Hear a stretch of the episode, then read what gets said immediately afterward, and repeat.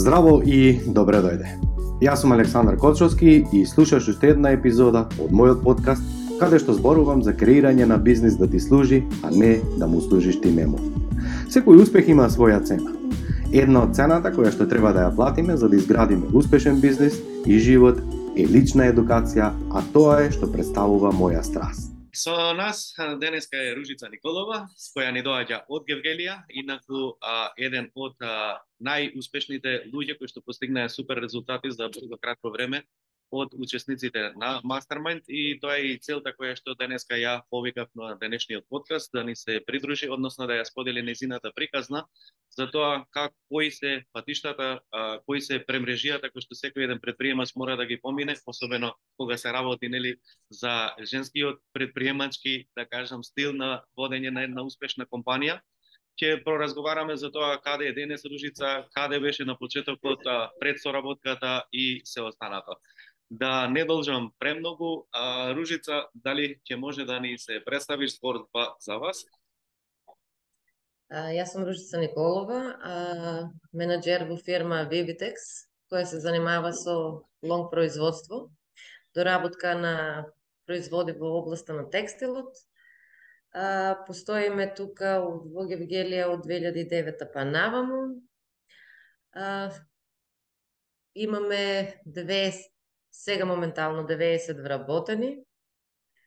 А, успешно се справуваме со предизвиците и не значително дека само менеджерот е жен, жена.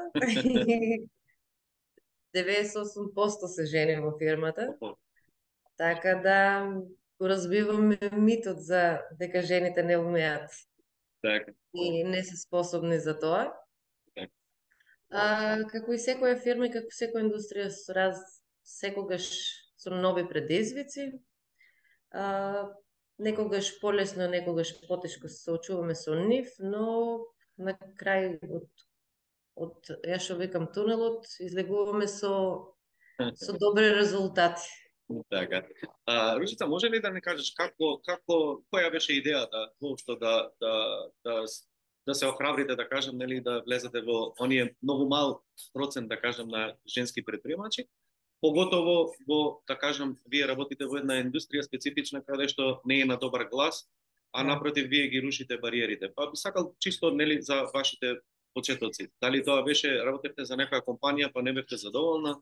Дали може би тлееше некоја идеја Па фирмата е отворена во времето кога во оваа општина прилично имаше премногу а, циркулација на такви фирми, се отвараа многу фирми, но со текот на времето во 2009 година, година кога беше економската криза, се и се филтрираа тие, да кажам, сите фирми, остана остана квалитетот, а после економската криза а, можам да кажам дека прво и основно ни беше митот да го разбиеме гласот што, што не биеше нас во нашата индустрија.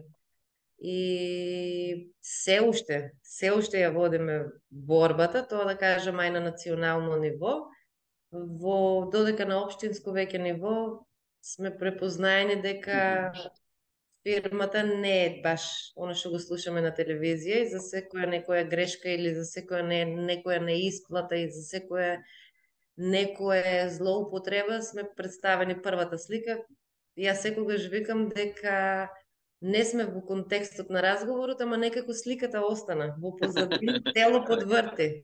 Така. Послед, последното што ми остави впечаток беше законот, промената на законот за работно време, кој, не знам, не сум во стек дали ја изгласен или не, беше за автопатите. А, не знам дали приметивте на некој од телевизиите, тело под позади пак беше шивачка машина, немаше врска со контекст. така, така. Така да, мислам дека таа битка ќе ја водиме уште многу. Така. Битно е дека кај нас во нашиот регион го разбивме тој мит, како некогаш а, се одлучуваа за нашата гранка заради тоа што нема каде. Сега мислам дека на, изфилтрирано е тоа а, го оставаме за последно. Мгм. Секој со своите квалификации не бара нас. Така. А како започнавте? Која беше идејата на 2009 да започнете? А, идејата беше сосема од, а, ајде да кажем, а, м, економски односи, бидејќи сите знаеме како завршуваше приватизацијата во Македонија, така да а, јас и сопругот а, како една една идеја за да ги вклопиме сите наши членовите од нашето семејство некако да екзистира, Мгм. така почна идејата а, за отварање на бизнис каде што ќе можеме сите да се вработиме. И од таму почна се. Така. И започнавте со а, од еднаш со 90 вработени или одеше Не, а на почетокот поинаков започна... начин? Да, да, да, започнавме со едно 12 вработени Мгм. во услови на, ајде да кажем, 100 квадрати. Така.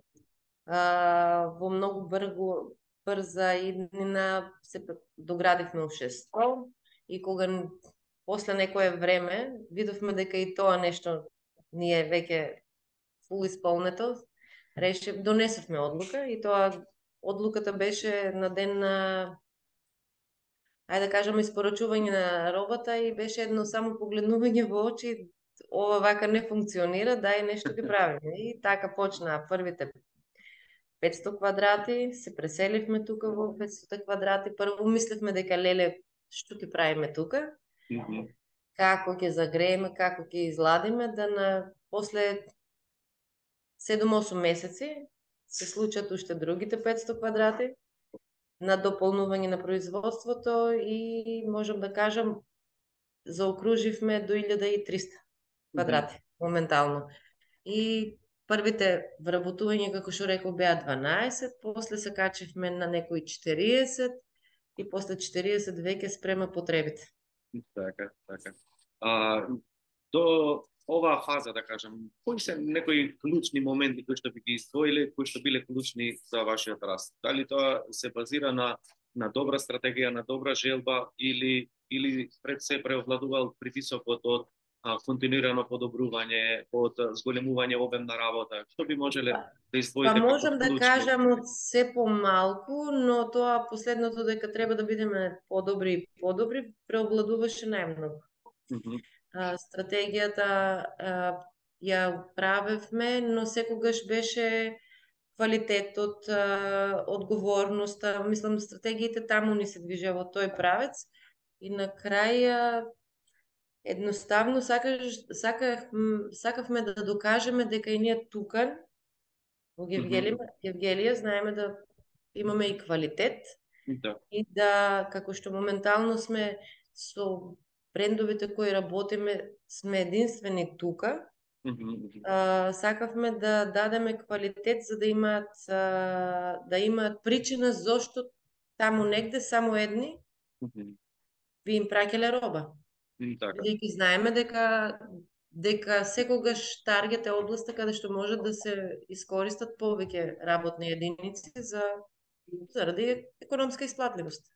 Така. А, за, за кои компании, со кои се ваши добавувачи, да кажам, за кого соработувате, за македонските пазар, да кажам, или исклучиво се базира за извоз? Ние сме строго ориентирани кон извоз, лонг доработка и работиме моментално со брендовите Гери Вебер и Ес Оливер. М, Така. А, што подразбира тоа? Дали има строги, да кажам, нели правила на игра, што станува со квалитетот? Да, да, да, секако. Едно од водечките работи е квалитетот, стандартизацијата на квалитетот која не смееме да ја занемариме. Во а, ста, а, ајде да кажам пред квалитетот брендовите го оценуваат и социјалното згрижување на вработените. Мгм. Мислам, пред се е работникот, се става Мгм. на педестал, грижата на работникот, како ние ги третираме работниците, а, мислам дека секоја контрола која не доаѓа, прво го гледа тој сегмент, па после одиме на на на тема квалитет, бидејќи секој квалитет ако е а, донесен врз база на не а, не гледање да а, да се пратат тие услови спрема вработените, мислам дека се паѓа во вода. Во последно време акцентот на приказните кои се сакат да се прикажат во светот е дека ние да произведуваме а, добар квалитет, но и го запазуваме човечкиот фактор, а, сакаме да биде а, запазен, исплатен, не малтретиран, не, не, мислам сите а, негативности да бидат скроз избришани, дека во, да кажем, не толку далечно, кога владееше дека во текстилот сите брендови продаваат скапи производи на маката на вработените. Мислам, перцепцијата е многу смената и брендовите го знаат тоа. А, стигнате гласот и до нив и така да сите заедно се залагаме и квалитет и социјалниот пакет на вработените да биде заедно. Така, тие контроли ги правите редовно вие или има некој надворешно тело? Контролите сме да, контролите сме должни да ги правиме ние внатре и да имаме тимови кои се обучени за таа работа. Има а, треба да поднесуваме извештаи, но исто така и секоја година имаме а, од едната фирма ненајавена контрола која треба да дојде кога сака може да дојде, да ги провери резултатите дали се само за тогаш или тоа mm -hmm. се напредува и се а, практикува секогаш. А под, подлежиме и на контроли кои а, мора да бидат тука за да го следат процесот во однос на стандардизацијата за запазени процедури на производство. А, Кога споменавте 90 вработени, споменавте дека најголем дел од процентот работ, вработените се токму жени, доаѓате од мала средина како Гевгелија, нели, сепак не е голем регион да кажам, нели? А од друга страна имате стабилен бизнис, а, имате ли флуктуација, имате ли често заминување на вработените и како се снаоѓате да во период кога најголем дел од луѓето, а тоа е веќе се случува и неколку години во минатото, нели? Дека што кои да разговарам од предпримачите често се жалат дека не можат да дојдат до обработени, дека тешко доаѓаат до нив, дури ако дојдат а, или а, изборот е многу низок во смисла на квалификуван кадар, од друга страна и да го пронајдат како таков или да го изградат често флуктуираат. Како е случајот во вас и Кај нас можам да кажам дека флуктацијата на вработени беше ам, но, во многу мал как да, како да кажам, а, многу малку беше во одредено ниво кога во Гевиелија беше а, влезот на туристичкиот капитал. Да кажам, mm -hmm. ајде, странските хотели. Така. Беше нешто непознато во Гевгелија и некако беше добро продадена приказната од нивната страна. И сега некако А, да кажам, ајде, уште тогаш важеше дека зборувам за периодот кога кај, за нас а, мнението беше дека ние малтретираме луѓе дека mm. не знам што правиме. И така да имаше, да кажам, флуктација беше мин, минорна, не некако не, не, не извади од колосек, но фидбекот што го добивме да тие вработени после една година пак сакаат да се вратат, некако ни даде ветар во грб дека толку добро продадена приказна. Е добар маркетинг, да, но но значи а, сме во конкуренција да тие вработени пак се вратат кај нас. А флуктација од тогаш на ваму да ти е толку незначителна ако нешто е врзано со фамилијата за некое селување за такви работи, да, то не го сметам како флуктација заради задоволство. Тоа е природен процес и можам да кажам дека а, од септември, од октомври минатата година а, можам да се пофалам дека сме капацитетот ни е исполнет 100%, моменталниот капацитет на машини што ги поседуваме, ни е а, исполнет 100% и можам да кажам дека враб...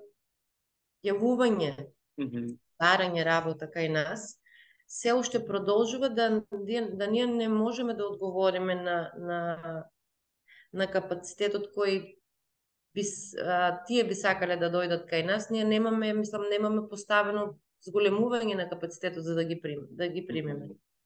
Така да можноста за а, проширување во смисла на вработените, слободно можам да кажам дека ако донесеме одлука да се зголемување, за зголемување не би имале никаков проблем од вработени.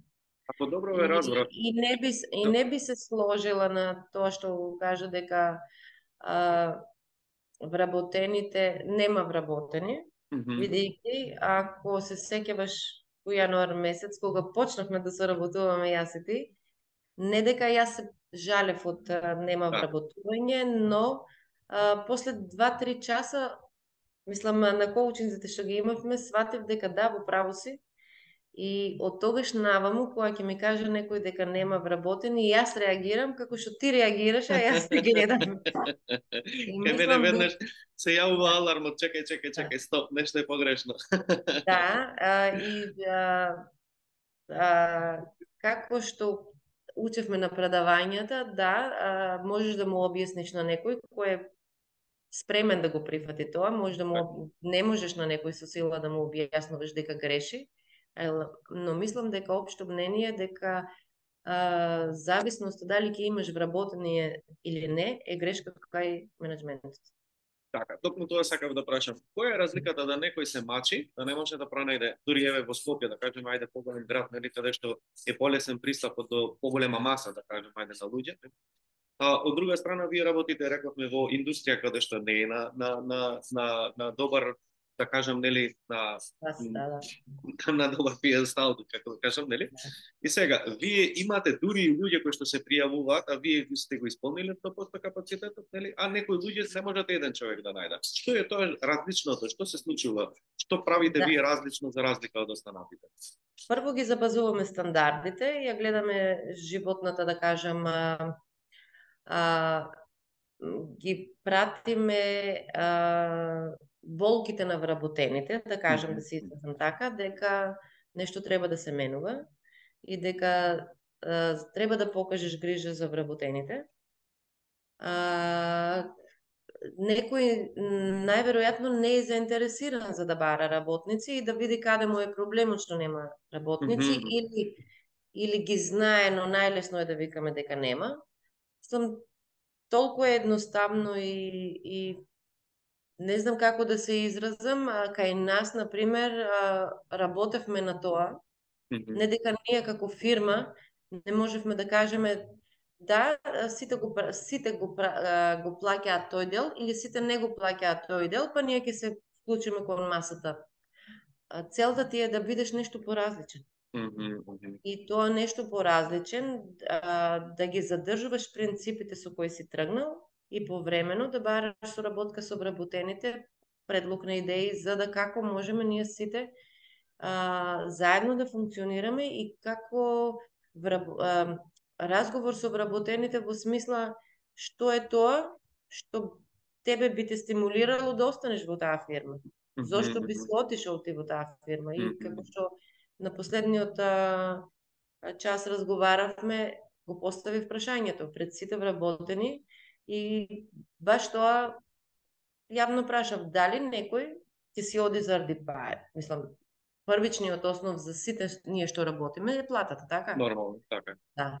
Но а, вториот, што мислам дека е поголем процент зашто вработените флуктуираат, е а, односот на вработените, а, на менеджментот кон вработените. Атмосферата во која работиме и и грижата за нив, осеќајот дека тие некаде припаѓаат и дека да, тука е некој за нив. А, а, кога ве слушам вас, ги зборувате клучните работи, значи а, задоволување финансиски пред се, нели, нормално дека човек ако се бори за екзистенција нема тоа е основна човекова потреба, нели? Ако ако се грижи за сметки, за храна и за се останато, не може да биде продуктивен, нели?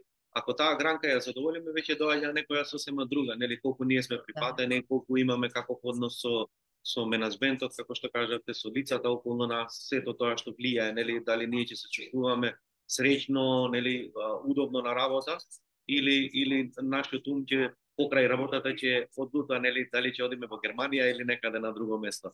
Сега кога вас ве слушам, истите зборови ги слушам и, и од другите луѓе. И оние кои што имаат проблем. Исто викаат, бе плата им давам, се има, услови има, се останато. Дали токму е разликата да некој зборува и применува или некој зборува ама нешто или не применува Јас- или И јас би кажала дека не слушаат. Нешто што најбитно, најважно го научив од мастермајндот е дека прво треба да научиш да слушаш. Па потоа од тоа слушање не може да не остане нешто дел кај тебе и не може нешто да не предизвика ам, во главата да се размислуваш а зошто ми го кажа тоа или зошто а, што ја доведе да го прокоментира тоа. Треба да слушаме, само треба да слушаме. Така, Мислам но дека луѓето, да, не не е поентата јас да му дадам на нив 5 минути време за они да кажат идеи, ако јас не ги слушнам и ако нема никакво така, така, мислување по тоа. така. Мислам дека клучното е односот, прво треба да се да бидеме да бидеме сите еднакви, Мгм. примерот од а, сите еднакви за да можеме да дадеме а, некоја сигурност кај другиот да се осети дека ние да, сите сме во исто, па да почнеме да споделуваме. Додека а, ние сите по хиерархија да, сме од на различни работни места, но во некој случај треба да станеме едно за да почнеме да споделуваме. Така. Производствен процес и оператива и обврски и одговорности е тоа се друго, но кога треба да се разговара, треба да се разговара на друг начин. така, така. А, вие а, споменавте дека имате и менеджмент структура, значи имате и менеджмент тим, нели? А, колку се тоа менаџери, дали се поделени по сектори или кој како Да, имаме имаме четири сектора и тие се со своји менаџери. А, да спомнам дека пред да влезам во Mastermindот бев менеджер на сите четири, додека Александар не ме научи дека треба да да пренесам одговорности, да треба да да секој во својот сектор ја носи, да го преземе тоа делегирање на одговорности спрема секторот. И беше најтешкиот дел, мислам дека, но успеавме за многу кратко време. Така. За премногу кратко време, да, ми докажа и ми покажа. И мислам дека успеавме да сега секој свој тим го води и постојат и состаноци и меѓу нив и така. цело цели обуки што ги правевме функционираат да Велат сега- кога кога ученикот е подготвен, учителот се појавува, нели? Е сега. да да да за да да, да да за да биде ученикот подгот, овај подготвен. Што се случуваше во, во минатото? Со кои предизвици се среќавате? А, Што е тоа што ве поттикна воопшто да на на промена кај вас? на промена И, и дали вие се променивте или луѓето се променија? не јас се променив дефинитивно не било до луѓето, било до мене. Што ме натера? Ме натера да, да седнам и да викам мора да постои нешто повеќе од ова, да јас не треба, а нешто е кај мене, да јас не давам, а, кај што викам само јас можам тоа да го направам Мгм. направам и да и, и видов дека тоа е нешто невозможно јас да бидам на четири места. Од, на почетокот имаш ентузијазам, сила, храброст, се, не дека немав јас кога се пријавив, но веќе гледаш дека а, од почеток до сега кај си стигнал и гледаш дека треба да одиш нешто повеќе од тоа, да, да, да созреваш уште повеќе, но едноставно со поминување на годините, гледаш века дека силата ти се црпи. Мгм. и ти да, па го правиш, но не си способен за ништо, за поголем раст во друг сегмент. Да. И така да, ми се случи Александар, ми се случија предавањата и Така, а како како изгледаше, како изгледаше еден ваш ден? Јас а, како изгледа? да не да не звучам погрешно. А, јас секогаш им велам на луѓето, јас а, не сум причината за нечива промена.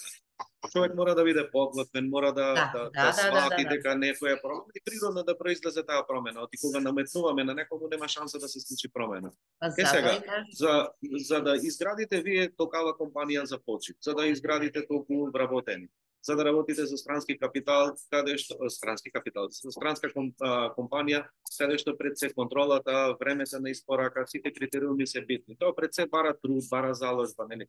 И а, како да кажам, не би звучало фер да кажам дека јас сум заслужен. Значи, вие сте ја растеле компанијата од нула до до сегашно ниво. Вие сте поминале и денови непреспиени, ноќи непреспиени, сигурно не се случувал успех од рамна линија, Значи, вие на некој начин сте морале да растете со самата компанија, нели?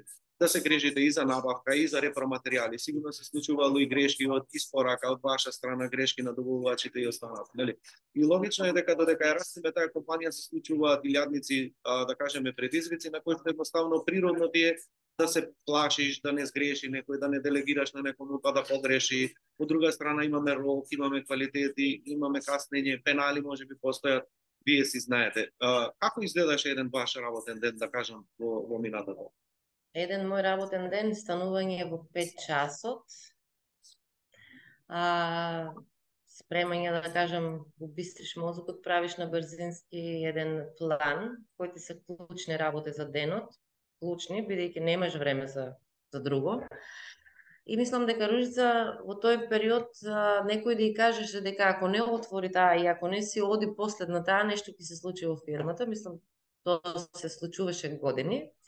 Како понатаму, понатаму, знаев на брзина да дојдам, да ги средам моите обврски, што се како административно нешто плаќање, налози, така вака, и се симнуваш долу во оператива и тоа цело време гасиш пожари од почеток до крај. И некако несвесно сум ги научила сите дека да, Mm -hmm. Има некој тука што ако сгрешиме ќе гаси пожари и mm -hmm. има некој тука кој ќе ја преземе одговорноста, не дека тие не сакале да работат, но јас несвесно сум ги поставила тие услови за работа. Да, не се секира, јас ќе ја средам, да, не се секира, јас ќе ја средам и тоа не се секира, јас ќе ја средам. А ми излегло од контрола без јас да го mm -hmm. без да го приметам а, не дека ние не растевме заради нас, но сега кога ќе го вратам филмот назад, сме можеле да растеме многу побрзо. Mm -hmm. Бидејќи немало кој да ми каже во тој период дека да се, а, работата може да се организира и повеќе. Да. Не до а, кога не гледаш, кога не слушаш, кога нема со кој да размениш идеи, mm -hmm. мислиш е, дека да, системот е таков и се помируваш и, и тераш. Да. Додека не знам, а, пред една година седнав на одморот баш и размислував како ние ќе продолжиме понатаму. И кога видов дека моите а, желби, желби, не дека не можела да сум си ги оставила, едноставно сум цело време ги ставала и предност на работата, на работата, на работата, не дека фокусот треба да не ти биде на работата, но некако треба mm -hmm. да сватиш дека ти си еден човек, ја имаш идејата, го имаш концептот, ја имаш визијата, треба да направиш тим со кој ќе ја споделиш за да работи со него често пати ве слушам како го истакнувате тимот, не само во денешниот разговор, туку и секогаш при секој разговор. Секогаш да. велите благодарам на менеджер, на менеджмент тимот и благодарам на луѓето кои што си работат, функционираат 100% без мене. А, многу сум задоволна затоа што сите од планирање, од организација, од координација, од мотивација, бонус програми имате воведено и се останато да. дека 100% функционира тимот. Колку у ствари а, дали имавте среќа или некако ги градевте или и што се случи да имате фантастичен тим, да кажам пред се? А, тимот го имав тука па менаџерите што ми се, ми се веќе долго време тука. Mm -hmm. а, ми се случи да се заблагодарувам на нив, бидејќи свати во еден период дека јас не сум му давала слобода на работење. Дека да, тимот бил тука и сакал да помогне, но едноставно или немам пренесено доволно, дека да, можеш да работиш, некако сум го стопирала тимот, да, да преземе иницијатива, да донесува одлуки, да, да, да било што. Кога, ако се сеќаваш, кога се сретнавме, викав дека ми е хаос. Mm -hmm. Тој хаос не дека реално постоел ми бил на мене во главата, бидејќи јас сум била во хаос и сум немала а, точно предвидена програма по кој ќе се движам, немам а, под а, оставено а, одговорностите да ги преземат другите. А, едноставно еден човек не може да биде се. Така. А, Треба работа со луѓе, да, треба работа со луѓе, треба да му дадеш насоки, треба да му ја споделиш, да му го споделиш концептот, а, треба да работи со нив и мислам дека кога ќе се препознае желбата од едната страна спрема другата страна, мислам дека тоа дава а, добар како да кажам, фидбек во работењето, дека да, некому, некој мене ме доверил одговорност, а, доверба и некако се трудат да не ја изгубат, а, сакат да соработуваат. А, дури јас сум некогаш во недост, во некоја конфузија, а не не ги гледам и викам па не ме прашаа за нешто, значи нема потреба да ме прашаат, они се толку добро обичани. Така. Јас некако седам и викам па не ме прашаа, сигурно не го видува проблемот и гледам дека проблемот е решен и се се тера работата. Така. Мислам дека соработката е премногу важна. Да. Ако на почетокот кога зборувавме за за физичко Јас викав да супер, последната среда во Скопје и некако се трудев, некако ми беше како притисок на почетокот, а да не ми се случи нешто на мене во среда, да како ќе ги искомбинирам, да сега на последниот состанок ти кажав дека може да се случи во неделата и еднаш или два дена да бидам присутна тука, што не го сакам. Тоа мислам, така ми периодот така ми се погоди да јас си нафрлам некои други обавези надвор од работата, но а, видов дека ова некој да ми говореше пред една година, ќе викав, нема шанси. А, и јас ист, бев истата таа што сега можам да потврдам дека а, цело време стоев на мнение дека ако менаџерот не е во фирмата, Mm. нема резултати, што сега сама се побивам. Така. А, само им должам на гледачите едно објаснување. А, на два пати ве слушнав хаос, хаос. А, само сакам да кажам как, за како вие хаос зборувате, да не ве сватат гледачите погрешно. Да, А, она што имам чувство од а, она период, да кажам, мал период нели во кој што имавме прилика да соработуваме, а тоа е дека имате супер високи критериуми за она што за вас значи хаос. А, кога е бил вашата компанија, вашиот начин на работење, кога би го споредил со други останати компании со кои што сум имал прилика да работам, ова е далеку од хаос за, за голем број од луѓето што значи. Тоа значи само дека имате високи вредности и она што за вас значи хаос, тоа значи само дека имате уште почирока перспектива за тоа како треба да се функционира една современа компанија, како треба луѓето да функционираат понатре, а пред се тоа мислам дека се должи само на, на, на вашиот натречен порив кон совршенство и Да. кон усовршување. Да не не сватат погрешно на Да, хаос, да, да, дека не знам, да. се, се случува чуда. Она што е за некого Да. хаос, за некого е охо, супер, нели? Супер. А како изгледа денес а, вашиот ден, да кажем, колку активно функционирате, како функционирате?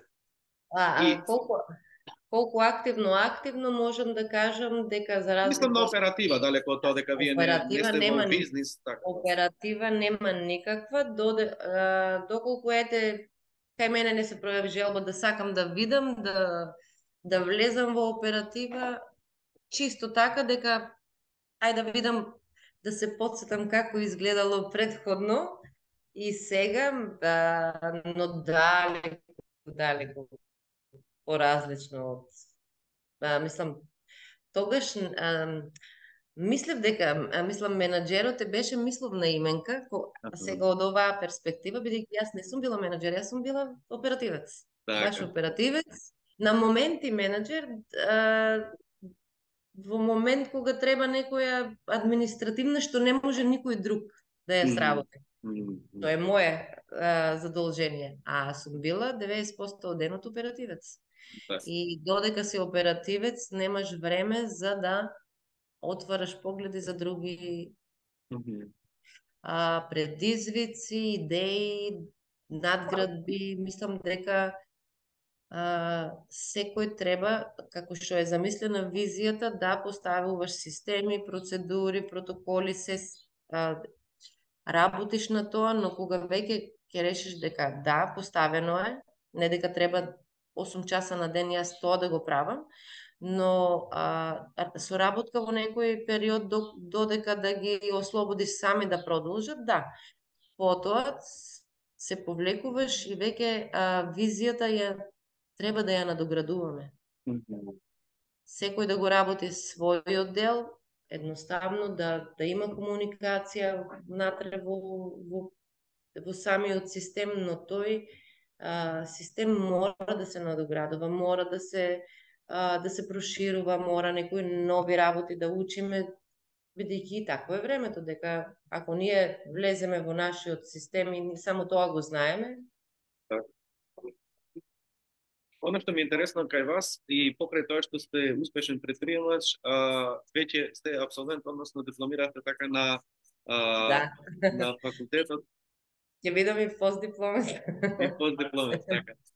Одлично. На, на што се должи тоа? На што се должи тоа? Пак желба желба за за нешто повеќе, нешто повеќе, чисто предизвик што може повеќе да се научи, чисто што може да се извлече некоја корист од тоа наученото, некако да ги склопам а,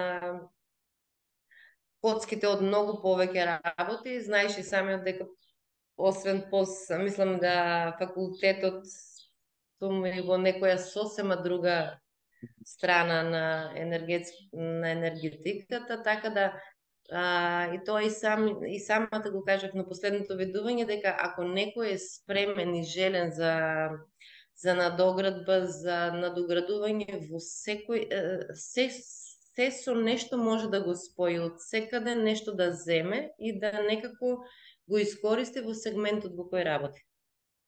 А кажете ми вака сега, вие сте пред се и сопруга и и родител и предприемач и и родител на уште 90 други деца, нели како успевате и факултети И- и пред некој ден и психолог. пред некој ден организиравте и фантастичен настап, нели каде што ги обединивте цело универзитетство, да кажам, од регионот. Како успевате, колку имате време вие сето тоа да го направите? И Па, често слушам луѓе кои не им стига денот, нели, за не знам што, а вие сте на на 100 места.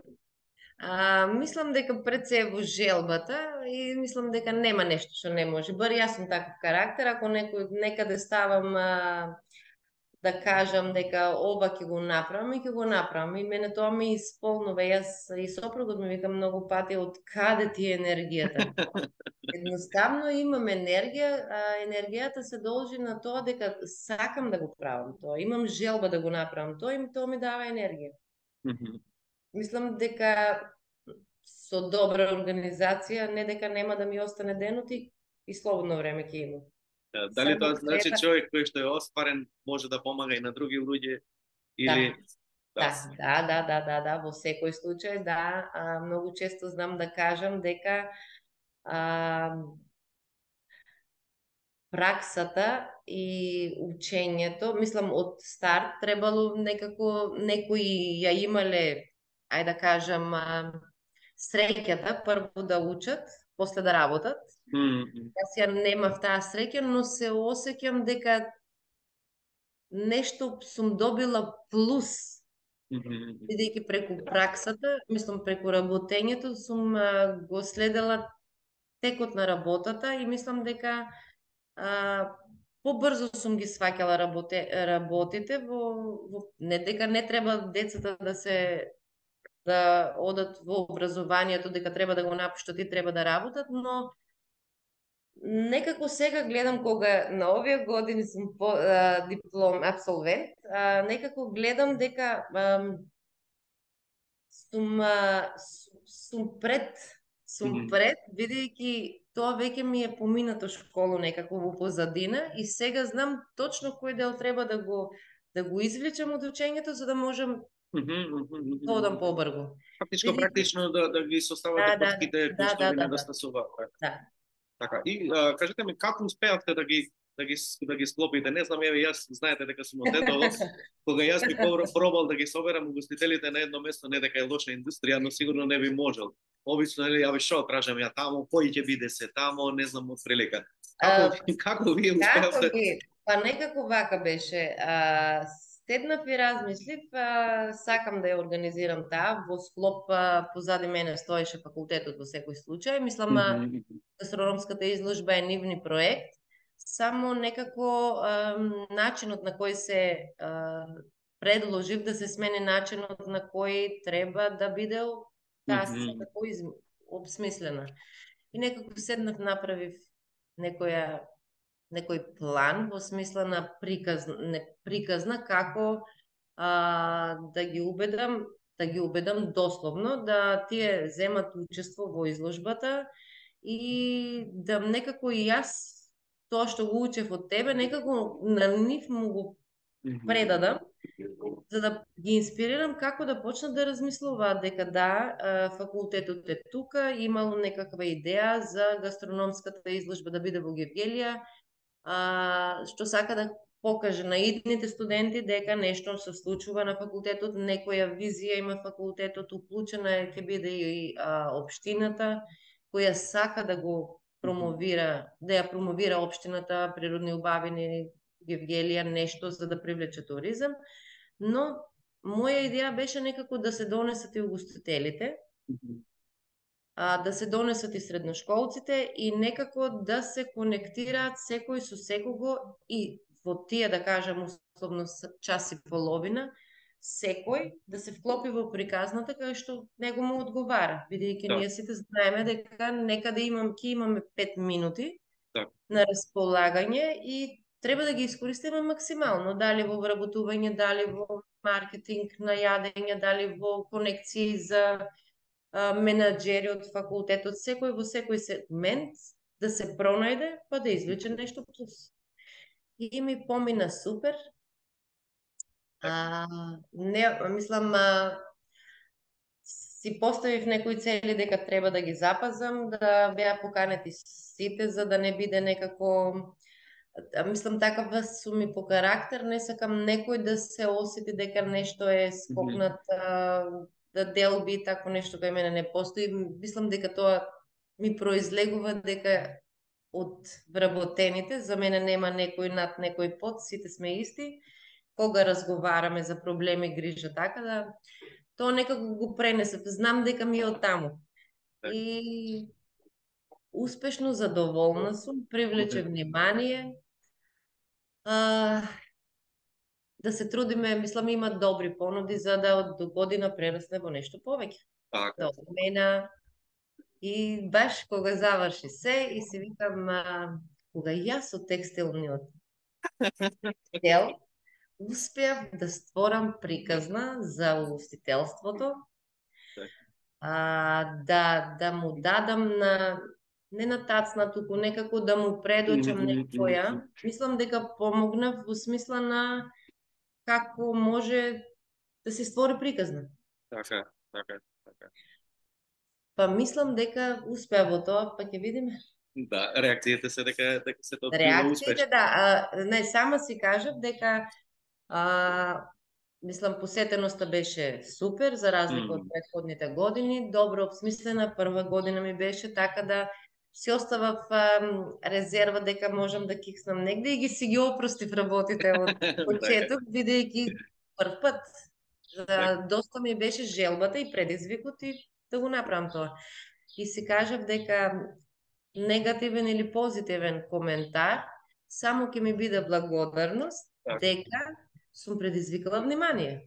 Така е, така А има капацитет во луѓето, има луѓе спремни за се, а, мислам дека недостасува иницијатива, која што и на мене предходно, кога сум се запознала со тебе, а, сум сакала нешто, но не сум знаела како да ја дефинирам.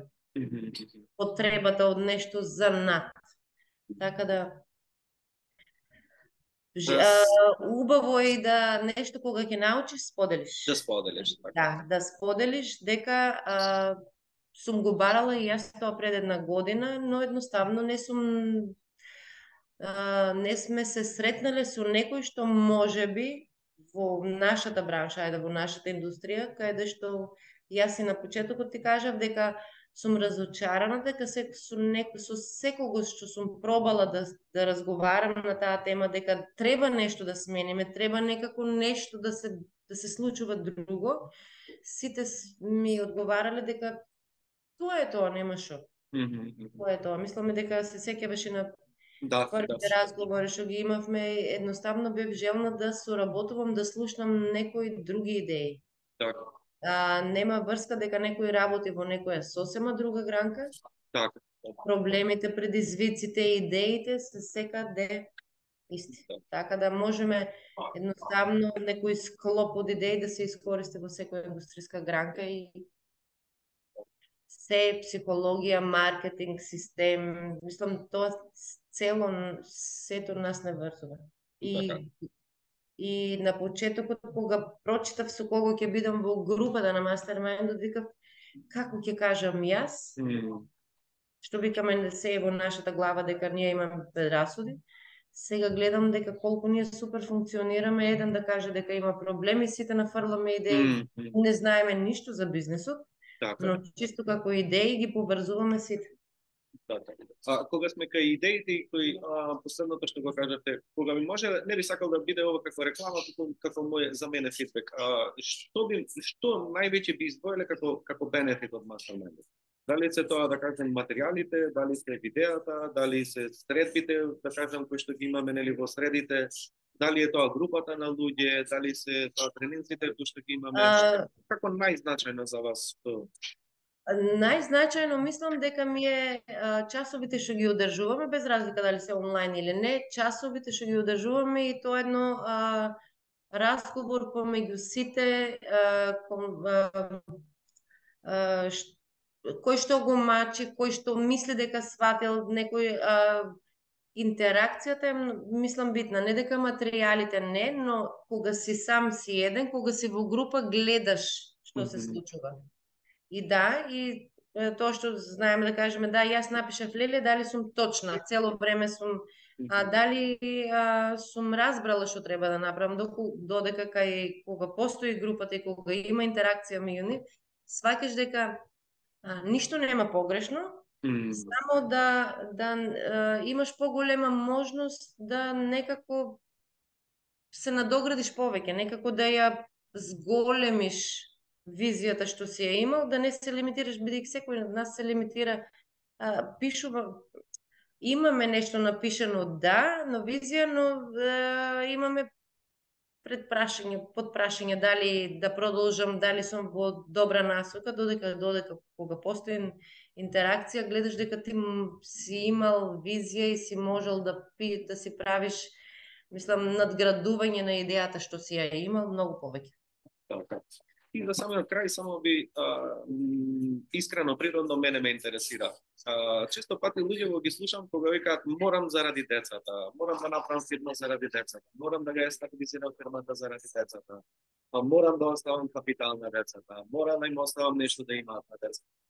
А кај тебе има едно сосема една друга, поинаква перцепција, што не велам дека едното е добро или лошо, или дека не знам кој е подобар модел. Само ме интересира твое мислење. А, а, колку што знам, твоите деца се во сосема друга една насока, чисто еве да ни споделите како е, вашето мнение, како би требало, како би требало. Која е вашата перцепција, да кажем, како и погледот кон слободата на изразување на на, на деца? Перцепцијата ми е вака. А, тоа што го работам, го работам бидејќи јас го сакам да го работам, дека ми е желба мене и дека а, не сакам да стварам никакви обврски, дека некој треба по дефолт да го прати моето, бидејќи јас сум сакала, без разлика која ми била идејата, идејата се исполнила и сум можела да го застанам бизнисот во смисла на нашите родители се пензионирале, се не ми представувало терет да морам да ја држам. Ако сум сакала, може сум можела и нешто друго да се префалам или јас да работам. Значи сме а, желбата си ја остваруваме само за нас. Наша е желбата, не би сакала да да дадам задача да некој мора. ако се пронаоѓаат во ова, да, слободно. Но ако не се пронаоѓаат, мислам дека е не фер некој да го задржиш на сила и мислам дека човек кога не го работи тоа што го сака, е сосема погрешно и таму нема раст. Таму нема ни раст, нема ни едноставно нема да функционира. Нема да функционира. Тргнувам од мене дека јас са бајле ако не станам со со желба за да дојдам тука, мене не гледам причина зошто би доаѓала. Така. Искрено. Така да јас се држам се уште на тој став дека а, секој работи за тоа што го сака, без да дава обврски на другите. Сигурно и ја, сигурно и јас нема да сакав некој да ми остави нешто, не да ми остави, мислам да не се разбереме погрешно, да наследство или такви работи, зборувам за строго, дека некој требаше да ми го истрасира патот Mm -hmm. и точно со неговите желба дека некој го исполнувал тоа, дека мене нешто тоа ќе ме исполнува. Едноставно сите сме посебни сами за себе. А, супер, а, морам да признам дека како и секогаш си одличен соговорник, има човек што многу што да научи од од вашето искуство, од вашата умешност да, да го споделите вашето знаење на себично да кажам, како и денес она што го правите. И за самиот крај би само би ве прашал кои се вашите планови за виднина, а, дали ќе одиме на 200 вработени, а, дали ќе одиме уште на 2000 квадрати, дали ќе одиме на панели, на енергија, на што ќе правиме? Ти знам Панел... дека вие никогаш не стоите да, мирни. да, да, да. Панелите ги поставивме така да гледаме со оглед на ситуацијата, супер функционираат, повеќе не ни треба, мислам искористени се 100%. А, за градење, за градење предизвик е бирократијата, но тоа се средува, ако си толку упорен, тоа го разговаравме, да. А, имам идеја за за паралелно, да кажем, од оваа работа, за правење на свој бренд. Mm -hmm. а, мислам, тоа е веќе во подготовка, се работи на тоа, а паралелно а, не кажувам дека пасија ми е, а мислам дека некоја некоја желба не на докажување, туку така како предизвик, бидејќи е голем голем проект, а, условно кажано циркуларна економија, но тоа се сведува на на некаква употреба на ѓубрето што излегува од кај нас, мислам во текот на процесот и е тоа нормална работа за некако да се искористи. Mm -hmm. а, тој отпад за да се направи нешто друго или во некоја а, како да се искористи како некој вид друг на суровина. Тоа е голем проект, почнувам од некаде, а, бидејќи е некако поголем проект од овој што го имам, Аха. Некако ми е, мислам, некако ми е предизвик дека да, си стигнала со ваква поставеност и тоа се функционира, така да дај нешто да ја дигнеме од таа страна, дигнеме нешто висината, па да водиме на поголеми проекти, да видиме како ќе Како, вел, како велат, еднаш предприемач, секогаш предприемач. да, да, штом да, плас, да, да. штом плас, спласнува едно решение, еден предизвик, одиме кон следен чекор и тоа е Да. умечноста и сигурно. Па треба да си бараме предизвици, иначе... Така. Инаку ќе не најдат тие нас. Да. да, Така. да, баш така. Супер. А, Ружица, има ли нешто што не те праша, па сакаше а, да ве би сакале да ве прашам? Или тоа би било се за денес? Чисто пре, една препорака. Препорака на сите дека дека не знаев што значи тоа, не ги слушај другите, но сега сватив дека ако нешто имаш визија, нешто имаш а, не прашувај таму каде што не се спремна да ти даат одговор. А, не прашувај некаде дека кај што а, сакаш, бараш а, бараш начин како да ја застанеш идејата па да се мислам дека а, нема не дека сега не зборувам за нереални работи, но мислам дека секоја визија што некој ќе си ја постави пред себе, временски не е толку битно колку тоа ќе се оствари, но нема шанси да не се оствари ако оставиш здрава структура како ќе се движиш низ неа. Мислам дека на почетокот, кога сум влегувала во оваа работа, и кај мене се, на пример, несвесно поминувале некои слики да кога ќе видам некој на на кој успех стигнал, викав нема шанси. Mm -hmm. И па него му личи, ме, јас не се гледам таму. Така да мислам дека тоа е многу погрешно и дека би препорачала да го тргнат тој мајндсет сите, дека сега моментално, како што ви кажав на последното, ми се случува да, да, да, да седнам и да викам, Боже, а, неприметно стигнав до таму кај што нешто ми било како забрането да помислам mm. дека ќе бидам. Секоја идеја која ќе поставиш здраво, која ќе се држиш до неа, мислам дека не треба да се откажуваме во ништо. Баш во ништо. А, сум можела многу побрзо да стигнам кај што сум, не сум искористила, немало кој да ми каже, но сега сум благодарна што и за овие 6 месеци еден куп работи што сум ги сакала и сум ги средила. И како како ветар во грб дека можам сега ајде да не кажам небото ми е граница, условно речено, не дека нешто нереално сум си замислила, се нешто а, сум поставила реални цели кај што сакам да бидам и сум стигнала до тие. Иначе најлесно е да кажеш нешто нереално, па не можам.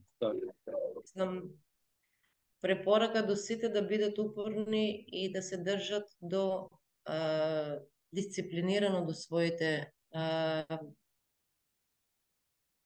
визии како што му се поставени како системи, тоа не е случајно дека некој така сакал или не е тоа нешто административно или бюрократски, тоа е држање до самиот ти. Mm -hmm. И да бидеш реален во секое време. Кај си. Не остави без спорови нека. Благодарам за за денешното учество. Мене ми летна времето, гледам поминало еден час од прилика. Уште да. еднаш ти благодарам и посакувам уште подобар успех и да си ги остварите сите ваши замисли. Аз знам дека вие тоа го можете. Благодарам Ружица и се гледаме. Благодарам и на вас. Ти благодарам што одвои време да ме слушаш на овој подкаст.